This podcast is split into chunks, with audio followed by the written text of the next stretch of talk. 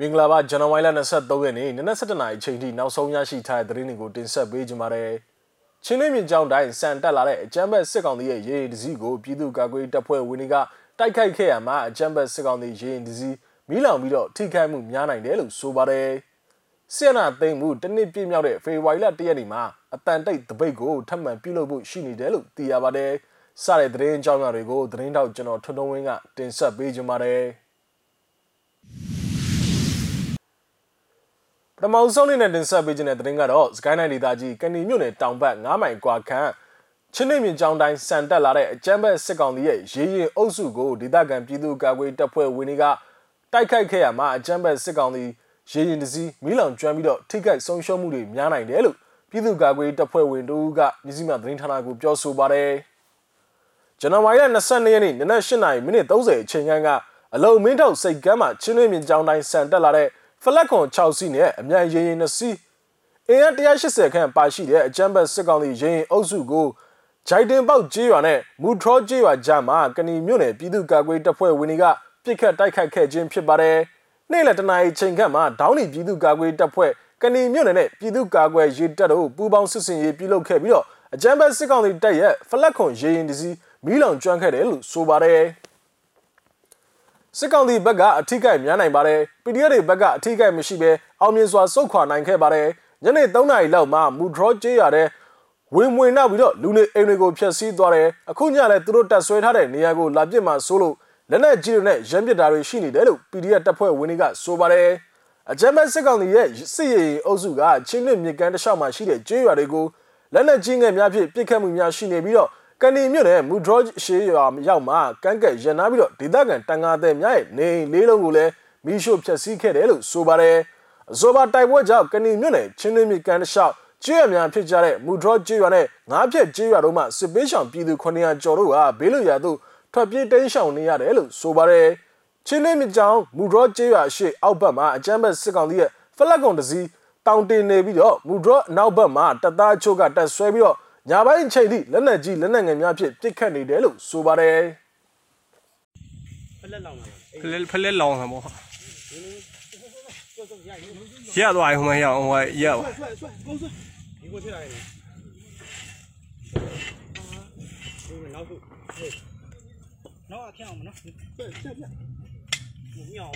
ရရရမဟုတ်ရောက်အဲ့လိုမရောက်ဟမ်ရောက်ချက်ဒီကိုချက်ဘယ်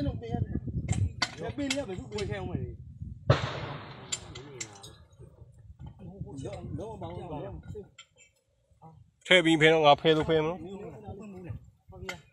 တို့လက်နဲ့ကြီးထမ်းပါကျိုးဖြုတ်ခွင်းမပါတော့ဘူးလားဒုတက်နံပါတ်1ခွင်းပေးအောင်နံပါတ်1ခွင်းဟုတ်ရဘူးမဟုတ်ဘူးဒီဘယ်ခွင်းဒီခွင်းမကြက်တဲ့ခွင်းအဲ့ခွင်းဆက်လက်ပြီးတင်ဆက်ပေးခြင်းတဲ့သတင်းကတော့လာမဲ့ 2022ခုနှစ်ဖေဖော်ဝါရီလ1ရက်နေ့ဟာအကြမ်းဖက်စစ်တပ်ကမတရားဆစ်အာဏာသိမ်းထားတာတနစ်တိတိပြည့်မြောက်တဲ့နေ့ဖြစ်တာကြောင့်ပြည်သူလူထုအားလုံးနဲ့ဖြစ်အာဏာရှင်စန့်ကျင်ရေးလှုပ်ရှားမှုတစ်ခုဖြစ်တဲ့တိတ်ဆိတ်ငြိမ်သက်ခြင်းတပိတ် Silent Strike Campaign ကိုထပ်မံပြုလုပ်ဖို့ရှိနေတယ်လို့သိရပါတယ်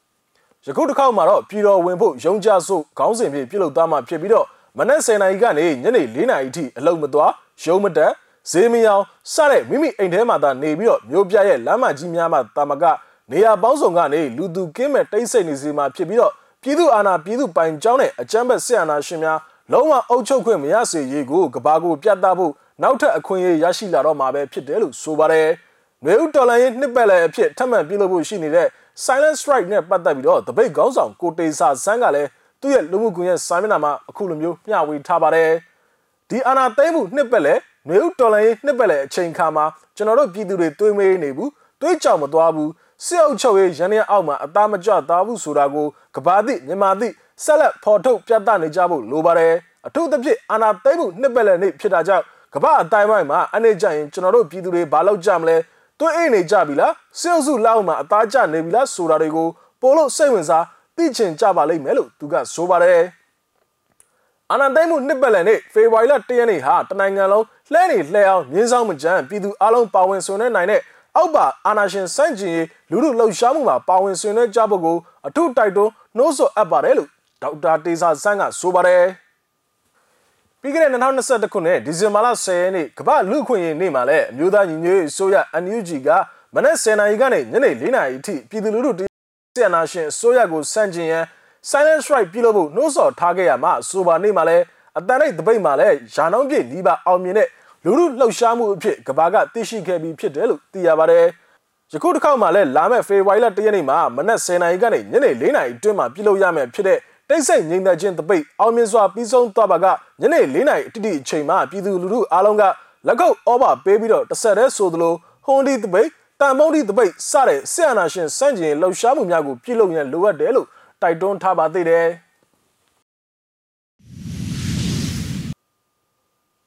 နောက်ထပ်တင်ဆက်ပေးခြင်းတဲ့သတင်းကတော့ရခိုင်ပြည်နယ်မှာရိုဟင်ဂျာမွတ်စလင်တွေကိုလူမျိုးတုံးတပ်ဖြတ်ခဲ့တဲ့အပေါ်မှာဂမ်ဘီယာနိုင်ငံကမြန်မာနိုင်ငံကိုနိုင်ငံကတရားရုံး ICJ မှာတရားစွဲဆိုခဲ့ပါတယ်။ဆိုပါအမှုရုံးချင်းကိုပထမဆုံးအကြိမ်ဖြစ်2019ခုနှစ်ဒီဇင်ဘာလမှာစတင်ကြားနာခဲ့ပြီးတော့လာမယ့်2022ခုနှစ်ဖေဖော်ဝါရီလ22ရက်နေ့မှာတော့ဒုတိယရုံးချင်းစတင်ကြားနာမှာပဲဖြစ်ပါတယ်။ဒီရုံးချင်းတစ်ခုကြားမှာတရားရုံးရဲ့အဆုံးဖြတ်တွေနဲ့တခြားဖြစ်ထွန်းမှုတွေကိုစူးစီးတင်ပြထားတာပါ။နားထောင်ကြည့်ရအောင်ပါ။ ရခိုင်ပြည်နယ်တွင်းကရိုဟင်ဂျာမွတ်စလင်တွေအပေါ်မှာလူမျိုးတုံးတပ်ဖြတ်ခဲ့တယ်ဆိုပြီးတော့မြန်မာနိုင်ငံအပေါ်လူမျိုးတုံးတပ်ဖြတ်မှုဆိုင်ရာဆွဆွဲချက်နဲ့နိုင်ငံတကာတရားရုံး ICJ မှာ OIC နိုင်ငံတွေရဲ့ကိုစားဂမ်ဘီယာနိုင်ငံကတိုင်ကြားခဲ့ပါတယ်။2018ခုနှစ်ဩဂုတ်လတုန်းကရခိုင်ပြည်နယ်မြောက်ပိုင်းမှာလုံခြုံရေးကင်းစခန်းတွေကိုစီးနင်းတိုက်ခိုက်ခဲ့တဲ့အာဆာရိုဟင်ဂျာအစွန်းရောက်အုပ်စုကိုလိုက်လံရှင်းလင်းခဲ့တဲ့မြန်မာလုံခြုံရေးတပ်ဖွဲ့တွေရဲ့စစ်စင်ရေးတွေအတွင်းမှာရိုဟင်ဂျာအမျိုးသမီးတွေပေါ်အာရမပြုကျင့်မှုတွေအပါအဝင် လူအခွင့်အရေးချိုးဖောက်မှုတွေအကြီးအကျယ်ကျူးလွန်ခဲ့တဲ့ဆိုတဲ့ဆွဆွဲချက်တွေရှိခဲ့တာပါဒီအမှုကိုတော့2019ခုနှစ်ဒီဇင်ဘာလ10ရက်နယ်သာလန်နိုင်ငံ The Hague ကနိုင်ငံတကာတရားရုံးမှာစတင်ကြားနာစစ်ဆေးခဲ့ပါတယ်ဒီဇင်ဘာလ17ရက်နေ့ကတော့အဲ့ဒီဆွဆွဲချက်အပေါ်မြန်မာနိုင်ငံဘက်ကလည်းဒေါ်အောင်ဆန်းစုကြည်ကိုယ်တိုင်ဦးဆောင်ပြီးတော့ပြန်လည်လျှောက်လဲခဲ့ပါတယ်ရိုဟင်ဂျာတွေကိုနှိမ်နင်းတဲ့နေရာမှာမြန်မာစစ်တပ်အနေနဲ့အင်အားအလွန်အကျွံသုံးခဲ့တယ်ဆိုတာယတိပြတ်မပြောနိုင်ပေမဲ့ လူမျိုးစုတစ်ခုလုံးပျောက်ကွယ်သွားအောင်လှုံ့ဆော်ခဲ့တယ်ဆိုတဲ့သက်သေအထောက်အထားမရှိဘူးလို့ခုခံကာကွယ်ပြီးတော့ထွက်ဆိုခဲ့တာပါဒီဇင်ဘာ12ရက်နေ့မှာတော့ဂမ်ဘီယာနိုင်ငံနဲ့မြန်မာနိုင်ငံတို့အပြည့်အလှန်ရှောက်လဲခဲ့ကြပြီးတော့ကြားနာမှုကိုအဆုံးသတ်ခဲ့ပါတယ်2020ပြည့်နှစ်ဇန်နဝါရီလမှာတော့မြန်မာနိုင်ငံကနေကြားပြတ်လှုပ်ဆောင်ရမယ်အရေးပေါ်စီမံချက်၄ချက်ကို ICJ ကပြဋ္ဌာန်းခဲ့ပြီး6လတကြိမ်အစီရင်ခံစာတင်သွင်းဖို့အတွက်အမိန့်ချမှတ်ခဲ့ပါတယ်။ အဲ့ဒီလေးချက်ကတော့ရိုဟင်ဂျာတွေကိုလူမျိုးတုံးတပ်ဖြတ်မှုကနေအကာအကွယ်ပေးဖို့မြမတက်မတော်နဲ့လက်နက်ကင်အဖွဲ့တွေကလူမျိုးတုံးတပ်ဖြတ်မှုမလုပ်ဖို့တက်သေးအထောက်ထားတွေမပြောက်ပြက်အောင်ထိမ့်သိမ်းဖို့နဲ့အမိတ်ချမှတ်ထားတဲ့နေ့ကစပြီးတော့လေးလအတွင်းမြန်မာနိုင်ငံကအစီရင်ခံစာတင်သွင်းဖို့နဲ့အဲ့ဒီနောက်ပိုင်းအမှုကြီးအတွက်အပိသက်အမိတ်မချမချင်း6လတခါအစီရင်ခံစာတင်သွင်းရေးတို့ပဲဖြစ်ပါတယ်မြန်မာနိုင်ငံဘက်ကလည်း ICJ ကချမှတ်ထားတဲ့ဆုံးဖြတ်ချက်ကိုလက်ခံခဲ့ပါတယ်။ အဲ့ဒီနောက်မှာတော့ပထမဦးဆုံးအစီရင်ခံစာကို2020မေလ23ရက်နေ့ကတင်သွင်းခဲ့ပြီး6လအကြာနိုဝင်ဘာလထဲမှာဒုတိယမြောက်အစီရင်ခံစာကိုတင်သွင်းခဲ့ပါတယ်။2020ဇွန်လ30ရက်နေ့မှာတော့အဲ့ဒီတရားစွဲဆိုချက်ကိုဥဆောင်တဲ့ဂမ်ဘီယာနိုင်ငံရဲ့တရားရေးဝန်ကြီးလည်းဖြစ်ရှစ်နေချုပ်လည်းဖြစ်တဲ့အဘူဘာကာကမ်ဘာဒူဟာယာရုကနှုတ်ထွက်ပြီးတော့ကုလသမဂ္ဂလုံခြုံရေးကောင်စီရဲ့တရားရုံးတစ်ခုမှစတင်တာဝန်ထမ်းဆောင်ခဲ့ပါတယ်။ 2020အောက်တိုဘာလ23ရက်နေ့မှာဂမ်ဘီယာနိုင်ငံက Memorial လို့ခေါ်တဲ့စာမျက်နှာ900ရှိတဲ့အချက်အလက်အပြည့်အစုံတင်ပြချက်ကိုနိုင်ငံတကာတရားရုံး ICJ ကိုတင်သွင်းလိုက်ပါတယ်။2020ပြည့်နှစ်ဒီဇင်ဘာလ22ရက်နေ့နေ့စွဲနဲ့ ICJ တရားရုံးကကြေညာချက်ထုတ်ပြန်ခဲ့ရမှာတော့ကြားဖြတ်ရေးပေါ်စီမံချက်ဆောင်ရွက်ဖို့အတွက်ချမှတ်ထားတဲ့ဆုံးဖြတ်ချက်တွေနဲ့ပတ်သက်လို့အကဲဖြတ်စောင့်ကြည့်ဖို့တိကျအထူးကော်မတီတရက်ကိုထူထောင်ခွင့်ပေးလိုက်ကြောင်းပါဝင်ပါတယ်။ ဒီကော်မတီအနေနဲ့သက်ဆိုင်ရာအဖွဲ့အစည်းတွေကတင်သွင်းတဲ့အချက်အလက်တွေကိုစစ်ဆေးပြီးတော့ရုံးတော်ကိုပုံမှန်တင်ပြရမှာဖြစ်တယ်လို့ဖြစ်နိုင်ခြေရှိတဲ့ရွေးချယ်ခွင့်တွေကိုလည်းအကြံပေးရမှာဖြစ်ပါတယ်။ဒါ့အပြင်ကော်မတီရဲ့ဆုံးဖြတ်ချက်ကိုရုံးတော်ကလိုအပ်ရင်လက်ခံဖို့ရှိကြောင်းကိုလည်း ICJ ရဲ့ကြေညာချက်ထဲမှာဖော်ပြထားပါတယ်။ဒီအတော်တွင်းမှာပဲ2021ခုနှစ်ဖေဖော်ဝါရီလ1ရက်နေ့မှာတော့ဒေါ်အောင်ဆန်းစုကြည်ဦးဆောင်တဲ့အရက်သားအစိုးရလက်ထက်ကနေမြန်မာစစ်တပ်ကအာဏာသိမ်းခဲ့ပါတယ်။ မေလ30ရက်နေ့မှာတော့အမျိုးသားညီညွတ်ရေးအစိုးရ NUG ကအာဏာသိမ်းစစ်ကောင်စီရဲ့အယက်သားပြည်သူတွေအပေါ်မှာကျူးလွန်တဲ့နှိပ်စက်ညှဉ်းပန်းတပ်ဖြတ်မှုတွေရာဇဝတ်ပြမှုတွေနဲ့ပတ်သက်ပြီးအပြည်ပြည်ဆိုင်ရာတရားရုံး ICJ မှာတရားစီရင်မှုခံယူနိုင်ဖို့အတွက်အလေးအနက်စဉ်းစားလှုပ်ဆောင်နေတယ်လို့သတင်းထုတ်ပြန်ပြောဆိုလိုက်ပါတယ်။ဂျွန်လ18ရက်နေ့မှာတော့မြန်မာနိုင်ငံအပေါ်ဂမ်ဘီယာနိုင်ငံက ICJ မှာတရားစွဲဆိုထားတဲ့အမှုခုခံရင်ဆိုင်ရေးဥဆောင်ကော်မတီကိုစစ်ကောင်စီကအသစ်ပြန်လည်ဖွဲ့စည်းလိုက်ကြောင်းထုတ်ပြန်ခဲ့ပါတယ်။ အရင်နိုင်ငံတော်တိုင်ပင်ခံပုဂ္ဂိုလ်တော်ဆန်းစုကြည်ဦးဆောင်တဲ့ကော်မတီမှာလက်ရှိစစ်ကောင်စီနိုင်ငံသားရေးဝန်ကြီးဦးနာမောင်လွင်ကဦးဆောင်သွားမှာဖြစ်ပြီးတော့စစ်ကောင်စီရဲ့ဝန်ကြီးတချို့နဲ့တရားရေးအရာရှိတွေအဓိကပါဝင်တဲ့စုစုပေါင်းအဖွဲ့ဝင်၈ဦးပါဝင်ကြောင်းသိရပါတယ်။2022ခုနှစ်ဇန်နဝါရီလ14ရက်နေ့မှာတော့နိုင်ငံတကာတရားရုံး ICJ မှာမြန်မာနိုင်ငံကိုစားပြုပြီးတော့ခုခံကြေပတဲ့နိုင်ငံတော်အတိုင်ပင်ခံပုဂ္ဂိုလ်တော်ဆန်းစုကြည်နေရာမှာအစားထိုးပြောင်းလဲလိုက်ပြီလို့ဂမ်ဘီယာနိုင်ငံရဲ့ရှေ့နေချုပ်တဲ့ ဒေါက်တာဂျယ်လုစ်က Reuters သတင်းဌာနကိုပြောပါရယ်ဒီအတော်အတွင်းမှာပဲဂျာကာလာအမျိုးသားညီညွတ်ရေးအစိုးရ NUG ကလည်းနယူးယောက်မြို့ကကုလသမဂ္ဂဌာနချုပ်မှာမြန်မာအမြဲတမ်းကိုယ်စားလှယ်အဖြစ်လက်ရှိတာဝန်ထမ်းဆောင်နေတဲ့တမ်မတ်ကြီးဦးကျော်မိုးထွန်းကိုမြန်မာနိုင်ငံကိုစားဦးဆောင်ဖြည့်ရှင်းဖို့အတွက် ICJ တရားရုံးကိုစာရေးအကြောင်းကြားထားပြီးဖြစ်တယ်လို့ဆိုပါတယ်။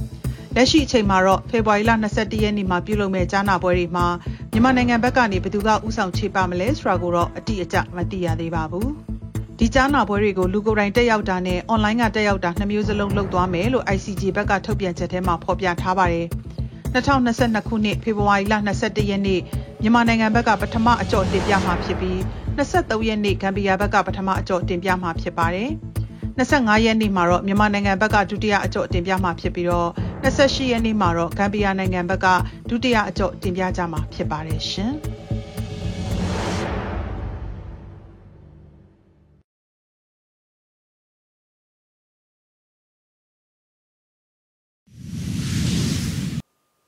နောက်ဆုံးအနေနဲ့နိုင်ငံတကာသတင်းတစ်ပုဒ်ကိုလည်းတင်ဆက်ပေးကြပါတယ်။စင်းတိုက်ပွဲကိုပြန်ပြီးအသက်သွင်းဖို့အတွေ့ကရုရှားအတွက်အန္တရာယ်ရှိနေတယ်လို့အမေရိကန်နိုင်ငံသားရေးဝန်ကြီး ဘလင်ကင်ကပြောကြားလိုက်ပါတယ်။အပြည့်စုံကိုတော့မြစည်းမသတင်းဌာနကတင်ဆက်ပေးထားတာပါ။နားထောင်ကြည့်အောင်ပါ။ယူကရိန်းကိုစစ်ရေးချင်းချောက်ပြီးဥရောပမှာစစ်အေးခေတ်ကိုပြန်လည်အသက်သွင်းမဲ့လုပ်ရက်ကရုရှားအတွက်အန္တရာယ်ရှိတယ်လို့အမေရိကန်နိုင်ငံသားရေးဝန်ကြီးအန်တိုနီဘလင်ကန်က ဇန်နဝါရီလ20ရက်ကြာသပတေးနေ့မှာတတိပေးလိုက်ပါတယ်။ရုရှားနိုင်ငံသားရေးဝန်ကြီးဆာဂီလာရော့ဗ်နဲ့တွဲဆုံဆွေးနွေးမှုမပြုတ်ခင်တရက်အလိုကဘာလင်မှာရောက်ရှိနေတဲ့ဘလင်ကန်ရဲ့ပြောကြားချက်မှာယူကရိန်းကိုနေတိုးအဖွဲ့ဝင်နဲ့မဝင်ဖို့ရုရှားရဲ့တောင်းဆိုမှုဟာနိုင်ငံတွေရဲ့ကိုယ်ပိုင်ဆုံးဖြတ်နိုင်ခွင့်မူဝါဒကိုချိုးဖောက်နေတာဖြစ်တယ်လို့ဆိုပါတယ်။ ရုရှားကအခုလိုနိုင်ငံတကာအခြေခံမူတွေအပေါ်ချိုးဖောက်နေမှုကိုမသိကြိုးကြုံပြုတ်ပြီးလိုက်ရောခဲ့မယ်ဆိုရင်အားလုံးအတွက်ပိုပြီးအန္တရာယ်များတဲ့မတိမငြိမ်ကာလတစ်ခုစီကိုပြန်ရောက်သွားလိမ့်မယ်လို့ဘလင်ကန်ကဆိုပါတယ်။ဒီအခြေခံမူတွေကိုတက်နိုင်သမျှလိုက်နာဖို့လိုကြောင်းကဘာတဝမ်းကတခြားသူတွေကိုလည်းသတင်းစကားပေးပို့သွားမှာပါလို့၎င်းကဆိုပါတယ်ဒီအရေးဟာရုရှားနဲ့နေတိုးကြားအမေရိကန်နဲ့ရုရှားနှစ်နိုင်ငံကြားပဋိပက္ခဆိုတာထက်ပိုပါတယ် ဒါဟာကမ္ဘာလုံးဆိုင်ရာအကျိုးဆက်တွေရှိလာနိုင်တဲ့အကြက်တဲတစ်ခုပါဒီအတွက်ကမ္ဘာလုံးဆိုင်ရာအလေးထားအာရုံစိုက်မှုတွေနဲ့အရေးယူမှုတွေလိုအပ်တယ်လို့ဘလင်ကန်ကထည့်သွင်းပြောကြားခဲ့ပါတယ်ယူကရိန်းအရှေ့ပိုင်းမှာရှစ်နှစ်ကြာရုရှားလိုလားတဲ့သဘုံထမှုအတွင်းလူပေါင်း13000ကျော်သေဆုံးခဲ့ရတဲ့ကျူးကျော်တိုက်ခိုက်မှုရဲ့ထိခိုက်နစ်နာမှုတွေကိုဥပမာပြပြီးဘလင်ကန်ကသတိပေးခဲ့ပါတယ် ရုရှားရဲ့အသက်တပံရန်စမှုတွေကြောင့်ဖြစ်ပေါ်လာမဲ့လူသေဆုံးမှုတွေဟာဒီကနေ့အထိအောင်ကျွန်တော်တို့မြင်ဘူးကြားဘူးတဲ့ပမာဏထက်အများကြီးပိုလာမှာဖြစ်တယ်လို့ဘလင်ကန်ကဆိုပါတယ်ဟုတ်ကဲ့ပါဇန်နဝါရီလ23ရက်နေ့နနက်7:00နာရီချိန်ထိနောက်ဆုံးရရှိထားတဲ့သတင်းတွေကိုကျွန်တော်တို့မျိုးစီမှာဝိုင်းတော်သားများကနေပြီးတော့တင်ဆက်ပေးခဲ့ရပါမြန်မာပြည်နဲ့မှာနေထိုင်တဲ့မိဘပြည်သူတွေအကုန်လုံးဘေးရန်နဲ့ကင်းရှင်းကြပါစေလို့ဆုမကောင်းတောင်းပန်ပါတယ် လက်ရှိဖြစ်ပွားနေတဲ့ COVID-19 ကရောဂါနဲ့ပတ်သက်ပြီးအထူးကူးစိုက်ကြဖို့ကိုကျွန်တော်တို့မျိုးစီမှာဝိုင်းတော်သားများကတိုက်တွန်းလို့ဆိုချင်ပါတယ်နောက်ထပ်ရရှိလာမယ့်သတင်းတွေအတူတူကျွန်တော်တို့ပြန်လာခဲ့ပါမယ်